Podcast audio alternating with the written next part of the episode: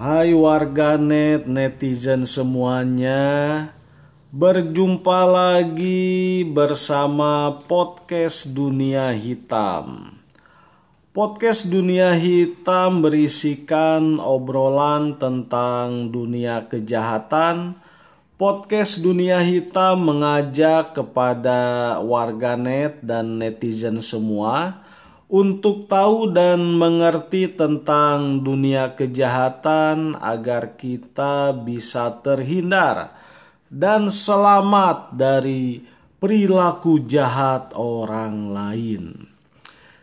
Di episode podcast Dunia Hitam hari ini gua mau ngebahas ya soal optimisme buta ya kan. Soal optimis ya kan optimis buta kayak gitu.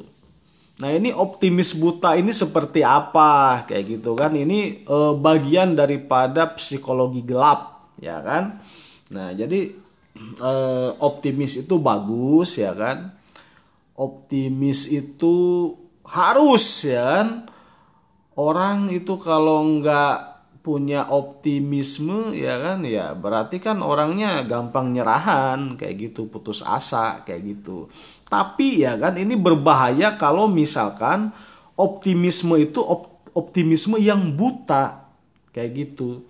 Jadi eh, optimisme yang buta itu dalam artian ya kan dia hanya memikirkan apa yang dia pikirkan aja gitu. Nggak ada perbuatannya kayak gitu. Makanya sebenarnya gua nggak setuju ya sama sama pemikiran gitu. Ada ada pendapat eh, ahli psikologi ya kan. Itu yang yang mengatakan bahwa anda adalah apa yang anda pikirkan kayak gitu. Nah ini ini bisa ini loh. Bisa menjadi optimisme buta kayak gitu. Kalau menurut gua gitu anda itu adalah apa yang anda pikirkan dan apa yang anda lakukan kayak gitu karena kalau misalkan hanya berpikir saja ya kan tanpa ada eh, tanpa nggak ada maksudnya ngelakuin kayak gitu ngelakuin eh, hal-hal eh, yang atau langkah-langkah yang nyata kayak gitu kan itu malah bisa jadi hanya ini aja hanya berhalu saja kayak gitu ya kan.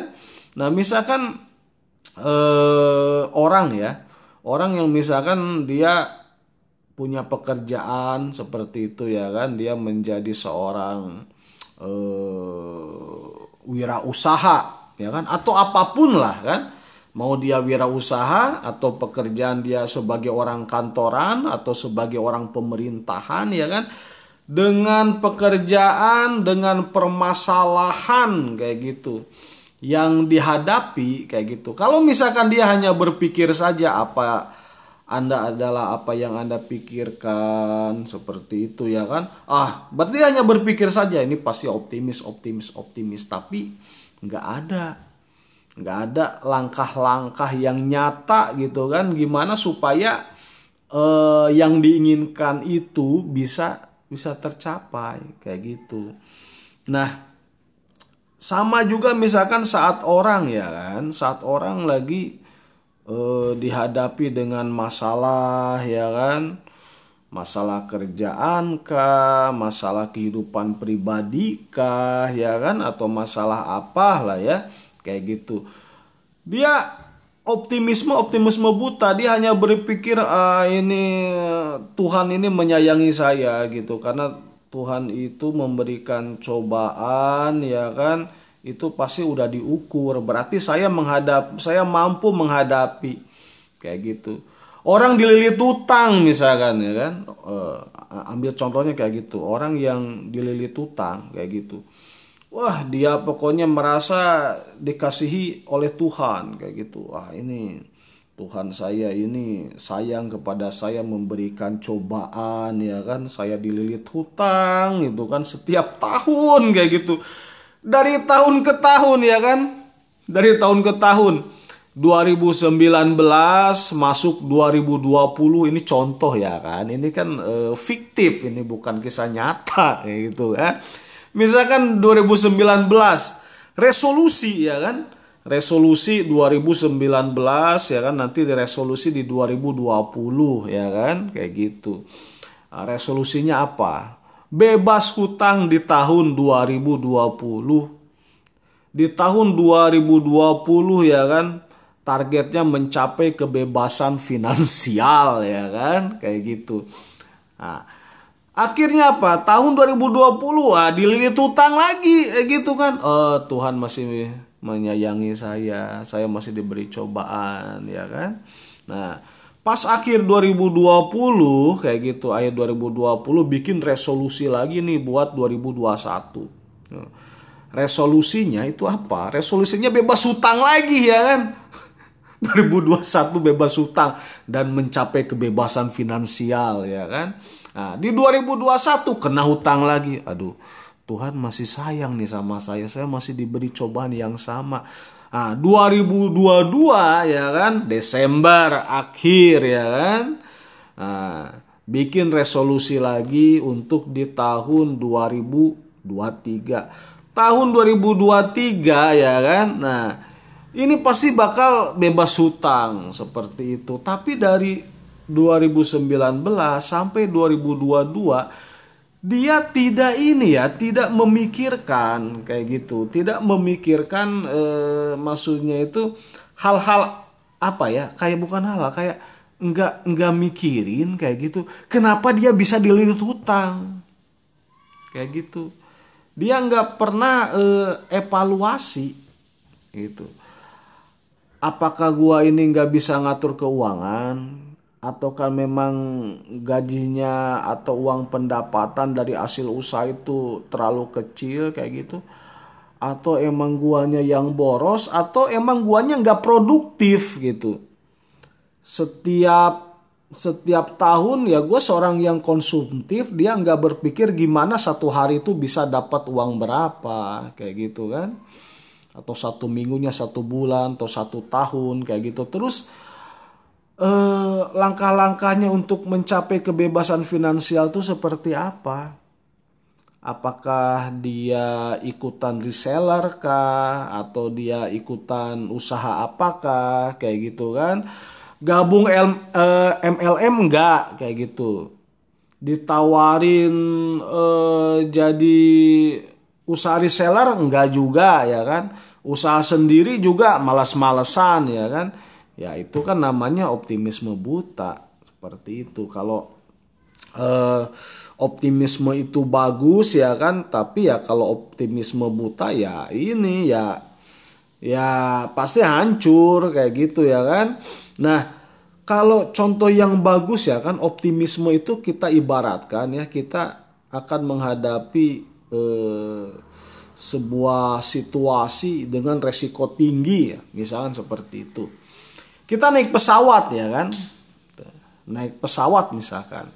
Kita jadi penumpang ya kan kita bisa ngelihat tuh bahwa eh, apa ya bahwa bahwa pilot dengan kru pesawat itu dia memiliki optimisme kayak gitu. Nah, makanya optimisme yang betul itu di di ini di dilakukan itu eh apa ya sedetail mungkin kayak gitu. Apa ya pilot itu dia yakin dia yakin akan mencapai tujuan gitu. Tetapi bukan berarti dia tidak memikirkan hal-hal yang terburuk kayak gitu. Ya kan itu udah dipikirkan diantisipasi malah kayak gitu. Coba aja kita bisa lihat ya kalau kita lagi naik pesawat misalkan sebelum uh, pesawat itu take off kayak gitu. Nah, orang-orang pramugarinya itu ya mengingatkan kayak gitu ya kan. Nah, ini buat ini buat uh, Anda yang duduk ya kan di samping jendela pesawat ya kan uh, terus eh di samping jendela di di pintu darurat ya kan? Di pintu darurat anda ya kan? Anda harus mau gini gini gini gini. Terus uh, gunakan pelampung nih ya kan? Nah, terus ini cara penggunaan pelampung ini cara oksigen itu itu kondisi-kondisi yang berbahaya. Itu bukan berarti dia optimisme bakal pesawatnya jatuh tidak. Dia optimis bahwa pesawatnya itu akan sampai di tujuan tetapi bentuk keoptimisannya itu tidak buta. Dia memikirkan hal-hal yang ininya hal-hal yang eh, apa kemungkinan yang terburuk seperti itu ya kan nah misalkan kita nih di ujung akhir 2022 ini ya kan. Nah, kita menghadapi 2023 tentunya harus optimis. Kayak gitu. Harus optimis bahwa 2023 itu resolusi kita akan berhasil ya kan di tahun 2023. Tapi optimismenya jangan optimisme buta kayak gitu. Kalau misalkan ya kan kepingin sukses usahanya atau hal apa pun ya kan yang eh, yang kita lakukan seperti itu ya kan. Nah it, kita harus berhitung nih harus berhitung kayak gitu. Eh, apa ya langkah-langkah apa yang bisa membuat eh, usaha kita berhasil seperti itu. Terus kira-kira apa nih yang bakal e, membuat kita bangkrut, yang bakal membuat kita hancur seperti itu kan. Nah, itu faktor-faktornya itu diantisipasi kayak gitu. Seperti seperti apa ya nama itu pilot menerbangkan pesawat kayak gitu. Kita jadi penumpangnya, ya dia yakin akan mencapai tujuan tetapi diantisipasi hal-hal yang terburuknya. Kayak gitu diajarin cara menggunakan oksigen dalam keadaan darurat terus bagaimana nanti e, untuk untuk keluar dari dari pintu darurat. Nah begitupun e, kita dalam hidup seperti itu ya kan? Nah kecuali ya apa ya kalau kita memang anak konglomerat ya kan? Kalau kita anak konglomerat misalkan apa anaknya Herul Tanjung kah ya kan atau anaknya siapakah ya kan? Kayak gitu. Ya optimis lah tahun 2023 itu pasti sukses. Usaha kita pasti lancar. Kayak gitu kan. Nggak usah lah mikirin resiko-resikonya ya kan? Ya ibarat kata kalaupun memang modal habis kan ya babeh kan pasti ini lagi apa ya ngirim uang lagi dia ini lagi transfer lagi ya kan? Usaha kita jalan lagi. Tapi kalau misalkan ya kan bapak kita ini bukan konglomerat, bukan Herul Tanjung ya kan, terus kita eh, nggak uh, memikirin resiko sedetail mungkin kayak gitu ya gimana ya kan, hancur lah mau mau usaha apa, mau ngelakuin apa juga ya pasti kan eh, nggak uh, akan benar ya kan. Nah jadi eh, optimis ya kan? Optimisme itu bagus optimisme itu harus. Tapi optimisme itu jangan optimisme buta. Kalau menurut gua ya kayak gitu. Jadi eh, anda itu bukan hanya apa yang anda pikirkan kayak gitu. Anda itu ya apa yang anda pikirkan apa yang anda lakukan kalau cuman sebatas berpikir apa yang Anda pikirkan itu namanya berhalusinasi ya kan? Kayak gitu.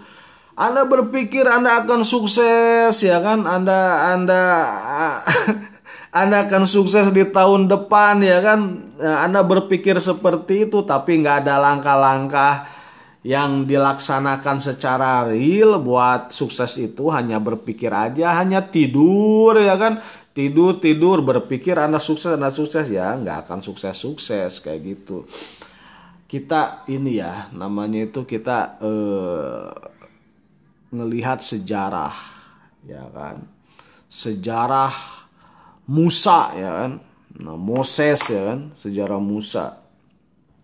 Dia optimis ya kan?